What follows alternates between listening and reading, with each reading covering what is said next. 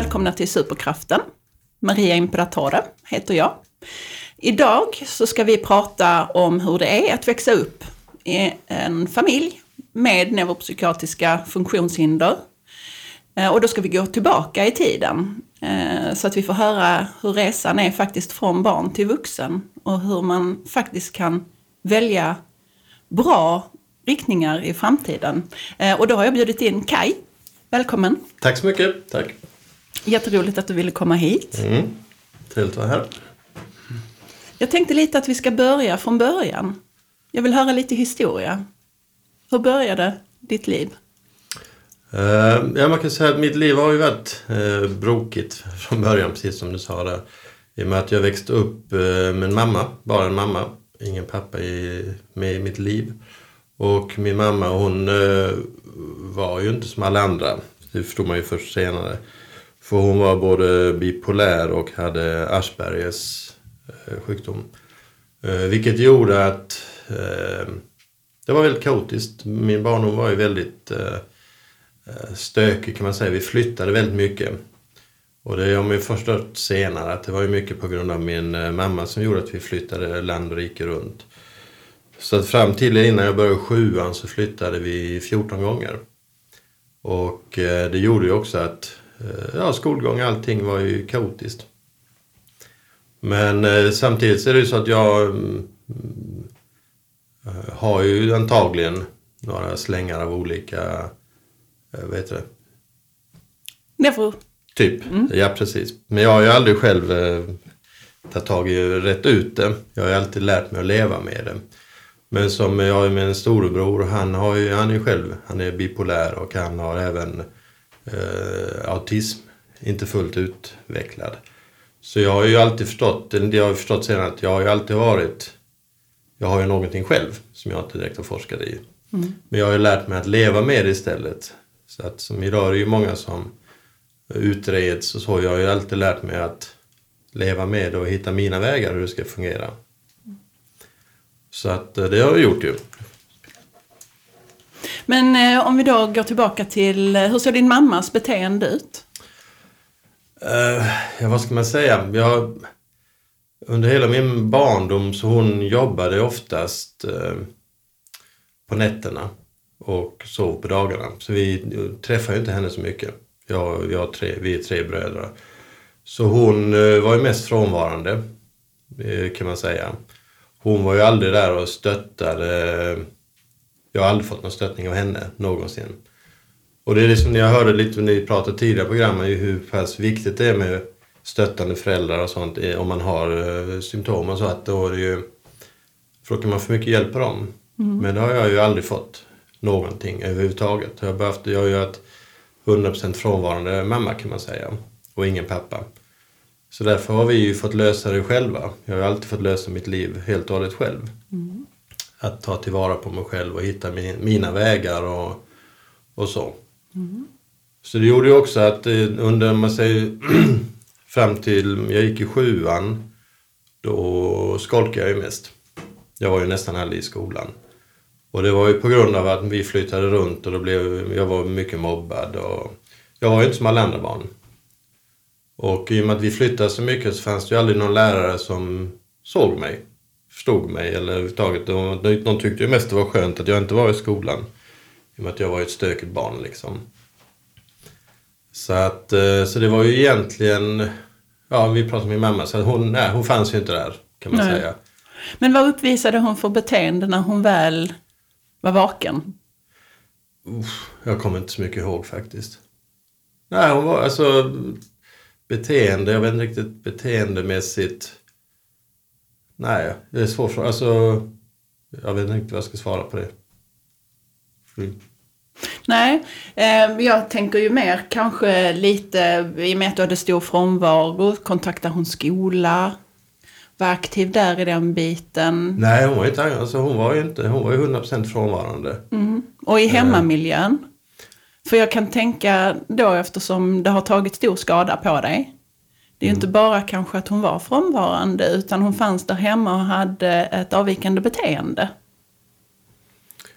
Ja, alltså det, det som sagt var jag lite svårt att, eh, ja men jag förstår att du vill komma dit men det, eh, hon var ju alltså, hon var ju inte en, hon var ingen normal människa.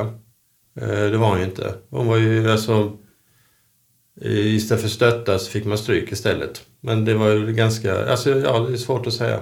Det, mm. det, men det var, ju, det var ju tufft och det gjorde ju också att jag eh, lyckades ju inte med någonting i skolan. Jag var ju helt kass kan man säga. Eh, men det, det förändrades ju lite senare, alltså när, vi, när jag började sjuan, det var ju egentligen då eh, livet så att säga, fick lite mer stabilitet för då slutade vi flytta runt. Vi bodde, från sjuan så bodde vi på samma ställe, eller samma stad bodde vi. Mm. Vi flyttade runt många gånger i staden men Eh, det var egentligen först då jag liksom någonstans landade i skolan att oj, nu ska jag gå i skolan. För innan så har man ju liksom börjat och sen en halv termin senare så har man flyttat. Nu visste man någonstans att vi, vi kommer bo kvar här ett tag i alla fall. Och det gjorde ju också att lärarna upptäckte ju, de såg mig på ett annat sätt.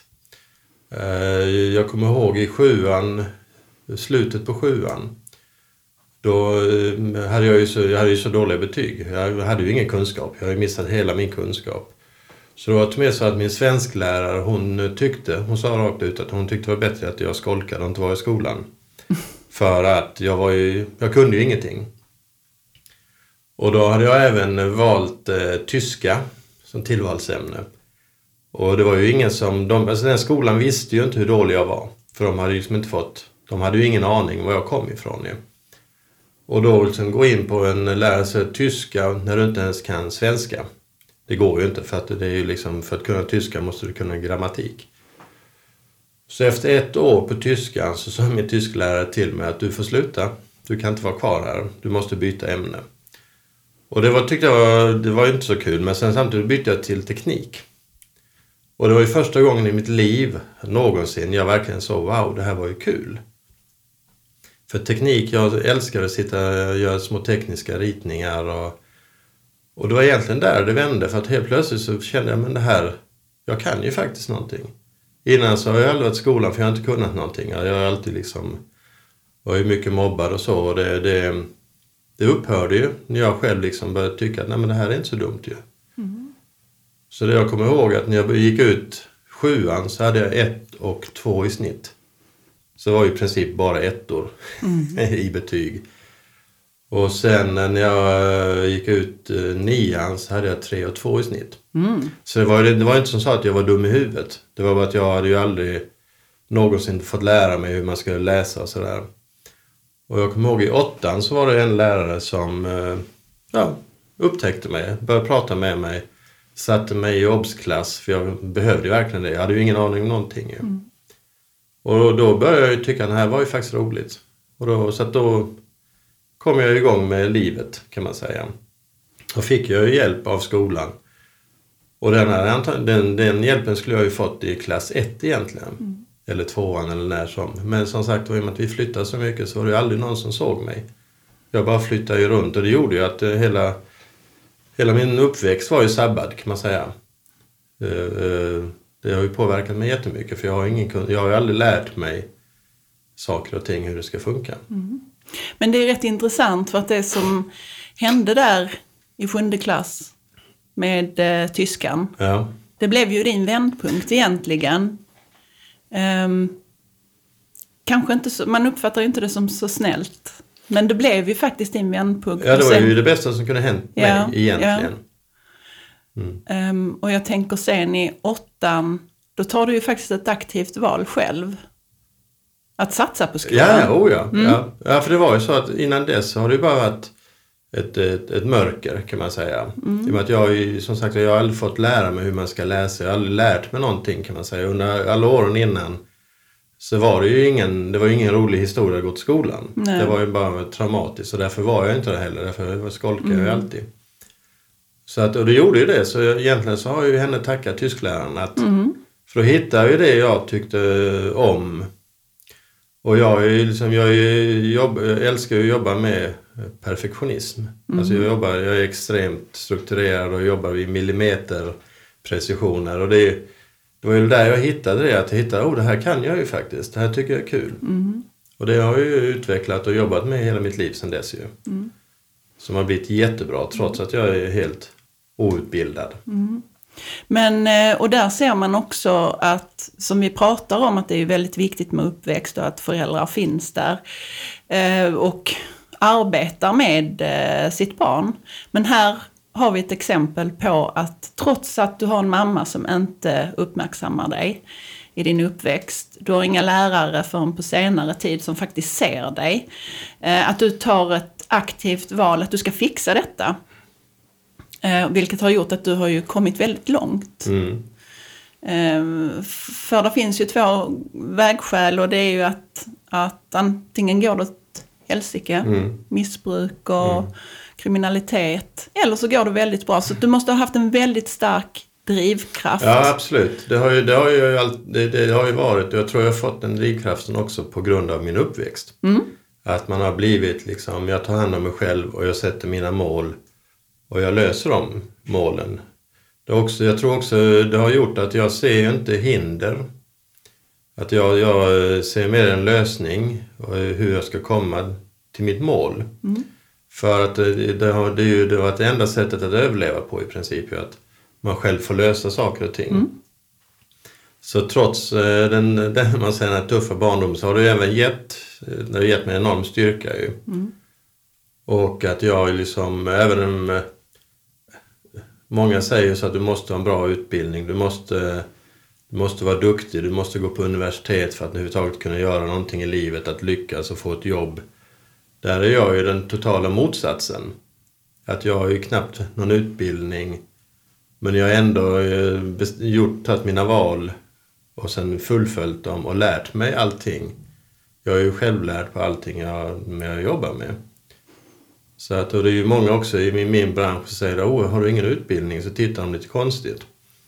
Men det är ju så att det är ju utbildning, du måste ju inte ha en utbildning. Har du ett stort intresse och att du utvecklar dig och du har en fallenhet för det och du är lite eh, skruvad så funkar det. Kort och gott ja. Och där ser vi också att du faktiskt plockade fram din superkraft. Som vi pratar mycket om i det här och som barn och vuxna med neuropsykiatriska funktionshinder har väldigt stor del av. Och då gäller det ju också att man inte fokuserar på svagheter utan sina styrkor. Och det börjar nog där i åttan faktiskt, att du såg absolut. dina styrkor. Ja. Och det är mycket så att i och med att jag eh, jag, jag har ju jag har ju jättesvårt att läsa till exempel. Jag har inte läst en bok på de sista 30 åren. Men däremot så har jag en, eh, eh, vad ska man säga, en, en, jag jobbar i bilder helt och hållet. Och det är som när min bror berättade att han eh, har en släng av autism så kände jag att ja, men det, jag, jag har ju aldrig så att säga utrett mig. Men tittar man lite på hur jag fungerar som människa, hur jag använder min hjärna, så har jag lärt mig använda hjärnan på ett annat sätt. Som sagt var, många andra läser. Jag har ju en bildbank som jag uppdaterar hela tiden, så jag jobbar ju bara i bilder. Vilket gör också att jag jobbar som, som med inredning. När jag träffar en kund så på ett par minuter så har jag ju liksom byggt upp hela projektet i min hjärna. Jag plockar fram bilder. Det- är nästan så jag ser hur bilderna sprutar runt i, i hjärnan för att plocka fram det. Och medan då andra kollegor som är, har normal arkitekturutbildning, för de tar flera veckor att sitta i kataloger och titta och fundera och hitta rätt bild.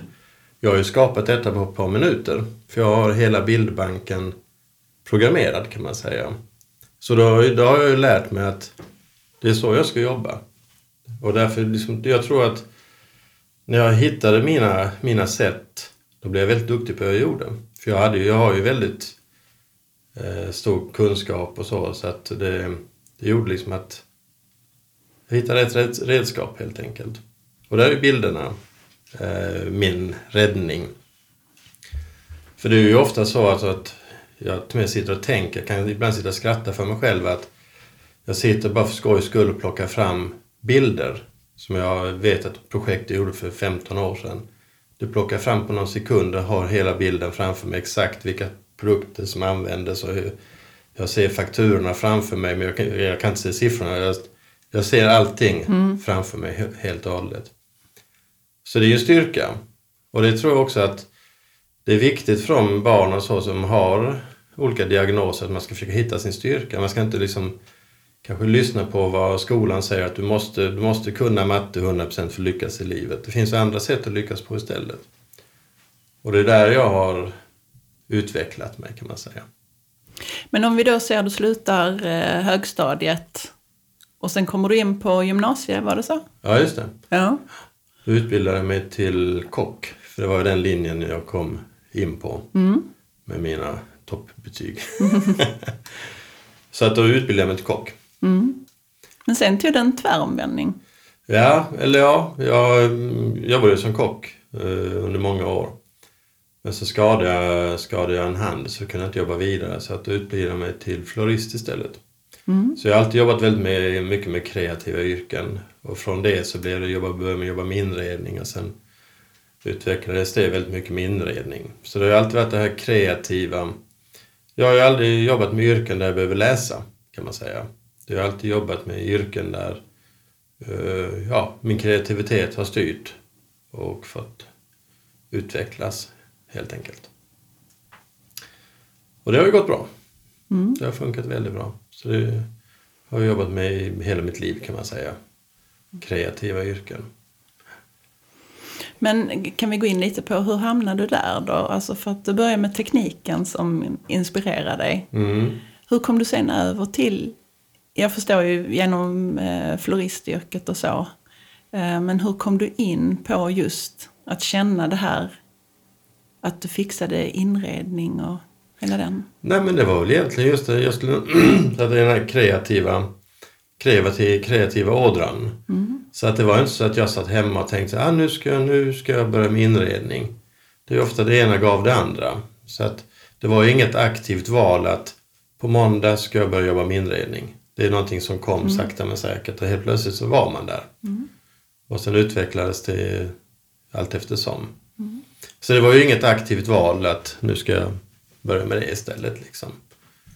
Så att det ena har alltid gett det andra men det har alltid varit i de här kreativa yrkena.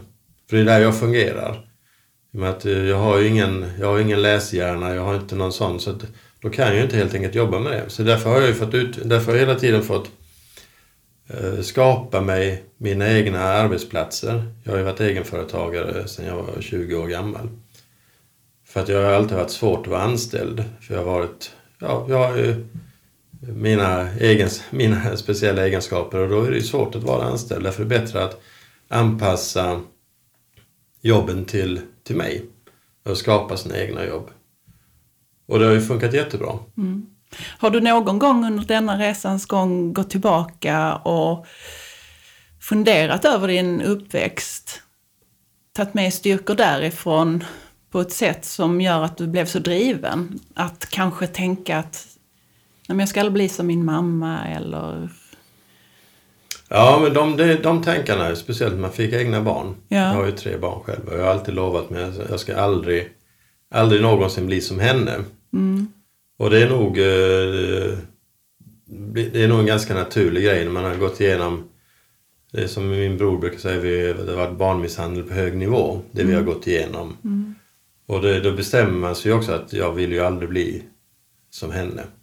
Mina barn ska få en annan uppväxt och det har jag ju gjort så gott jag har kunnat.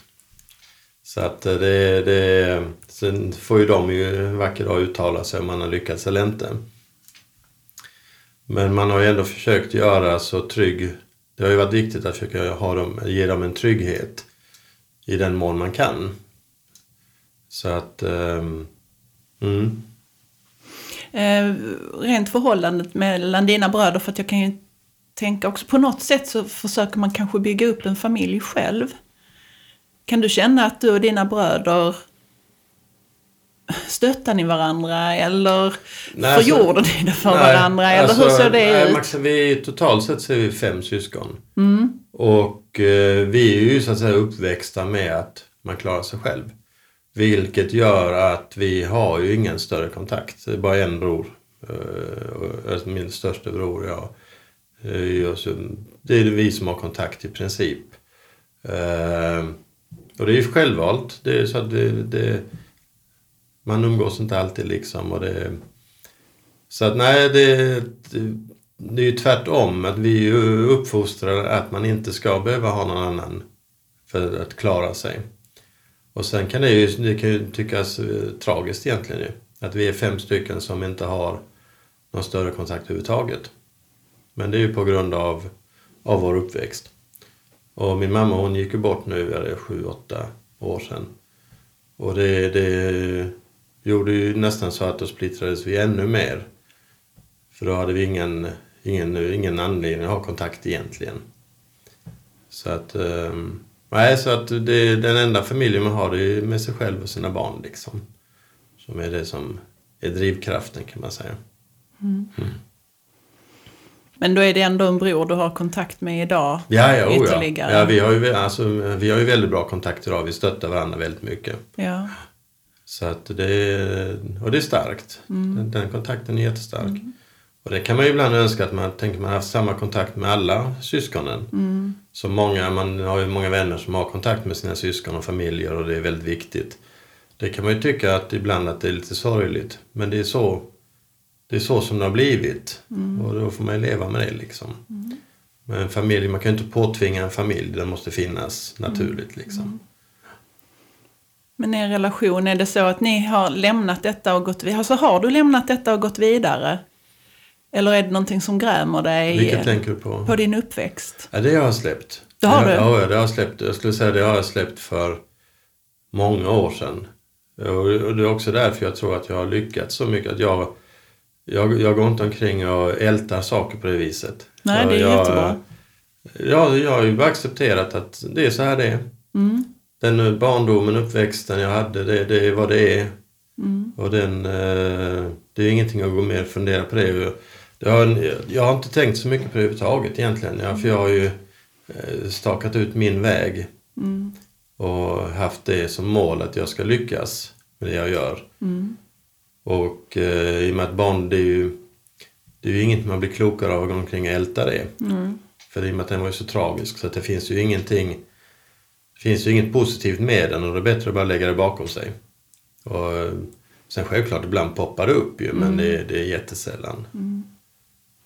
Men om du skulle få ge råd till barn, ungdomar där ute. Mm med en sån här uppväxt. För det här är ju inte bara du som har gått igenom, det är ju mång med många andra. Ja, ja, oh ja, ja. Och just att hitta superkraften i sig själv och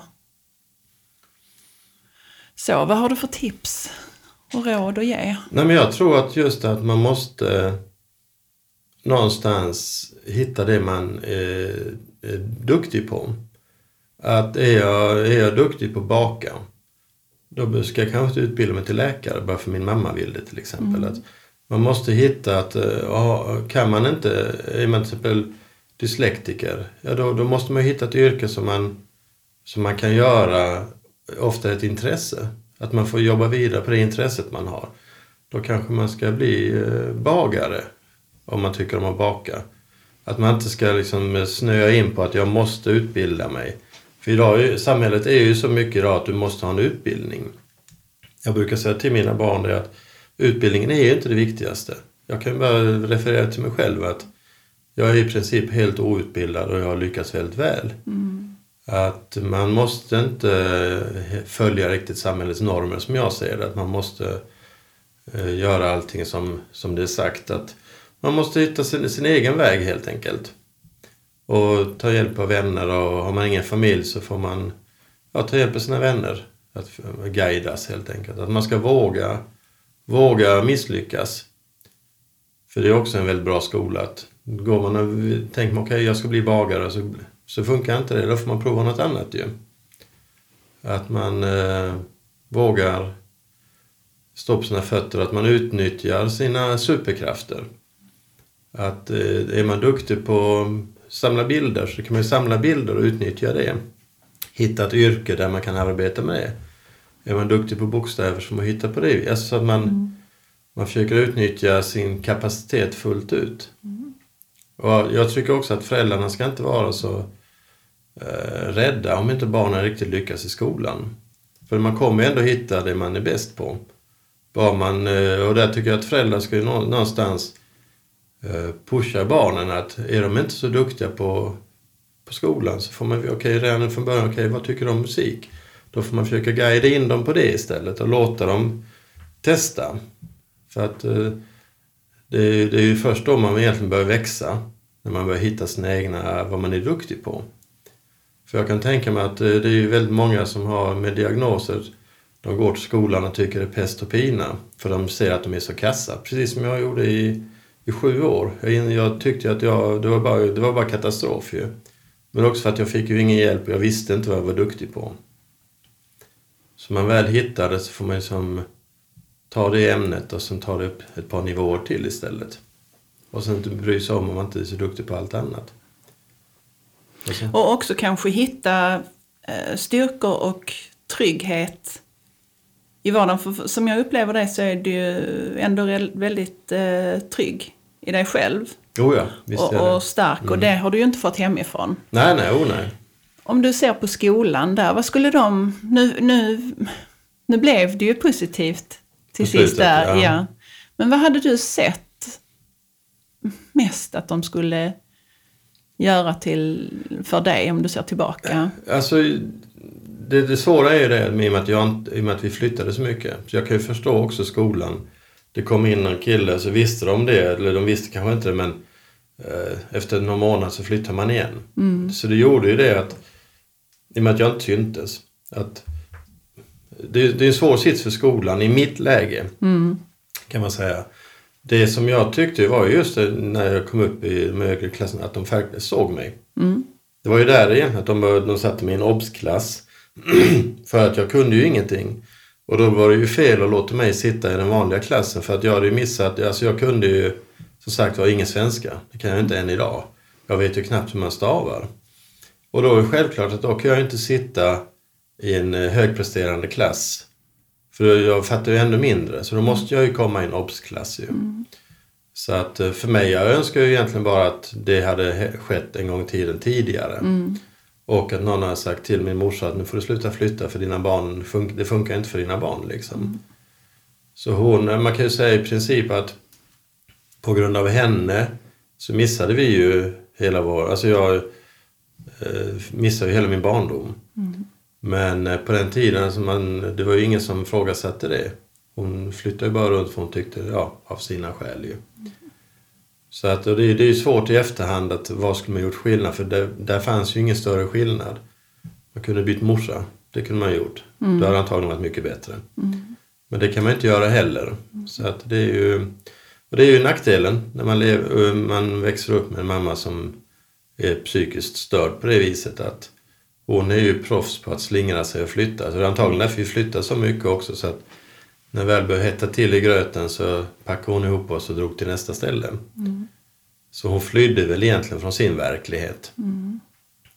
Ja, för det kan man väl också till, lägga till här i att eh, din mamma var ju rätt så väl utbildad och hade bra oh ja, hon var tjänster. Oh ja, hon jobbade inom sjukvården och väl utbildad, absolut. Ja.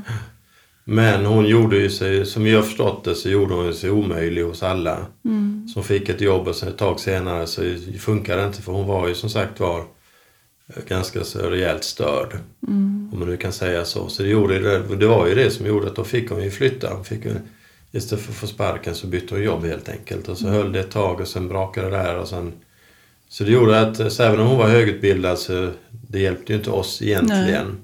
Men det kan också göra att det blir ett eh, att, att eh, samhället i sig eh,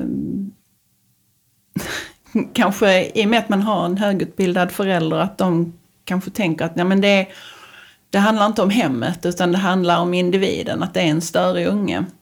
Och kan det vara mm, kanske en del i alltihopa ja, också? Ja. Att man inte kan se de här utan oftast så fokuserar man på att det är, det är lågutbildat ja. och så. Ja. Ja, och det är, alltså, ser man som mitt fall där så mina två bröder de var ju duktiga i skolan. De ja. skötte sig, de var ju plugghästar.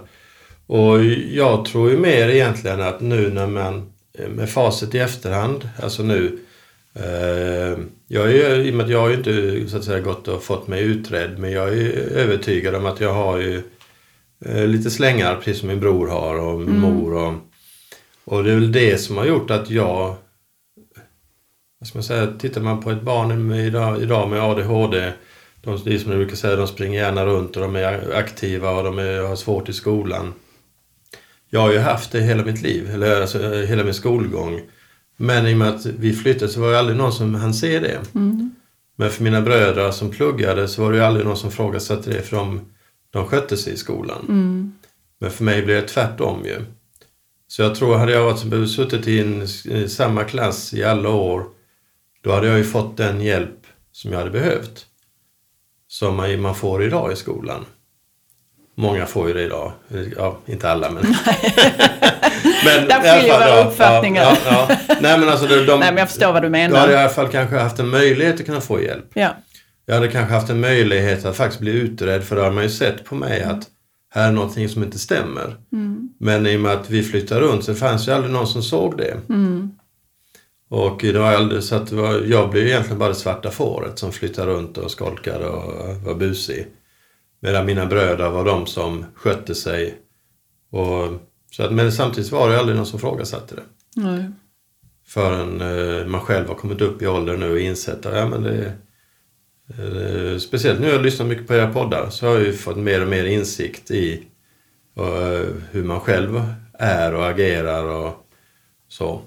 Men samtidigt känner jag så att jag har ju liksom levt ett helt liv och fått det att fungera. Jag är duktig på det jag gör. Så därför har jag inte heller känt att jag, jag behöver få en utredning och få en diagnos. För jag känner så att jag, jag hittar mina vägar. Jag, jag hittar mina vägar och använder mina superkrafter på ett positivt sätt. Så jag har ju aldrig känt så här att nej, jag måste nog gå utreda. För jag vet ju, alltså behöver man inte vara hjärnforskare för att förstå att jag har någon diagnos. Men samtidigt, jag ser inte det som ett problem. Nej. Jag ser det mer som en tillgång. Och det är den tillgången jag har gjort som också gjort att jag har lyckats väldigt bra i livet. Så att man behöver inte heller... Jag tycker idag är det så mycket att alla ska, ha en, alla ska bli diagnostiserade. Men man kanske inte behöver det alltid. Man kanske kan hitta sina egna vägar. Kan vara så. Det är bara vad som jag själv tänker. Jo, nu har du varit väldigt stark i det och haft, det blev ju, du måste ju haft en vision och ett mål när du stod där. Du var redan ensam så att säga. Och du bestämde dig för att du ska fixa detta. Mm. Ehm, men jag ehm, respekterar hur du tycker. Ja. Sen så eh, har jag ju en annan upp- uppfattning Ja, ja, också. att för absolut. många Oh, så, ja. så blir det en räddning. Oh, Men ja, du var ju, en, absolut, du var absolut. ju en, en överlevare, Ja. kan man väl säga. Ja. Faktiskt. Ehm, kan du känna att du har fått något positivt trots din hemska uppväxt? Kan du, kan du se något i detta? Ja, det är alltså, om man nu tänker på något positivt av eländet. Ja. Så det som är positivt av eländet är ju att jag har blivit enormt stark. Att jag, jag bryr mig, jag går inte omkring och väntar på att någon ska hjälpa mig. Att jag hittar ju lösningarna. Och det har ju också gjort att eh, jag, jag är inte rädd för någonting. Jag, det är också därför jag har lyckats så- pass bra i mitt, i mitt liv att jag, jag går inte och funderar så här, okej vad händer då? För att jag har ju aldrig haft, jag har aldrig behövt fundera på vad händer om jag gör så här. Man gör det sen, så antingen så går det bra eller så går det dåligt. För jag, man har ju aldrig eh, haft någon att diskutera. Många som har familj kanske sitter och lärt sig diskutera, fundera. Ska man göra det, ska man inte göra det, vad är bra och negativt? Jag har ju själv aldrig fått det så därför kör jag ju bara full fart. Och så får det bära eller brista. Så att det, är man säga det positiva är väl att man har blivit en överlevare. Sen om det är positivt, det vet jag inte. Det är klart det är, du har ju lyckats. Ja, jag har ju lyckats, jo. Så att hade man, hade man fått välja så hade jag nog hellre bott i, på samma gata i en villa med mamma och pappa i lugn och ro och fått ett, ett värdigt liv. För det har ju inte varit det. Nej. Alltså att, att få leva i så många år i sånt kaos, det är inte värt. Så att, men det som sagt var det positiva att jag har blivit stark. Så att det, och det är en bra egenskap. Det är en jättebra egenskap. Vad roligt att du kom hit och berättade din historia, Mm. att man får lite perspektiv på att det behöver inte vara kört. Nej, absolut. Det är ju så. Det, det var därför jag tänkte att det kan vara intressant att få komma hit. För att det är ju många som tänker, nu har jag fått nu har jag en diagnos, nu kommer jag aldrig kunna bli någonting. Men tvärtom, det kan också vara en fördel. En fördel om man lär man sig utnyttja sina superkrafter så kan det vara en väldigt stark, en väldigt stor fördel som vanliga människor inte har. För de är inne i sitt lilla bås. Så lär man sig utnyttja sina superkrafter då blir det väldigt, väldigt bra.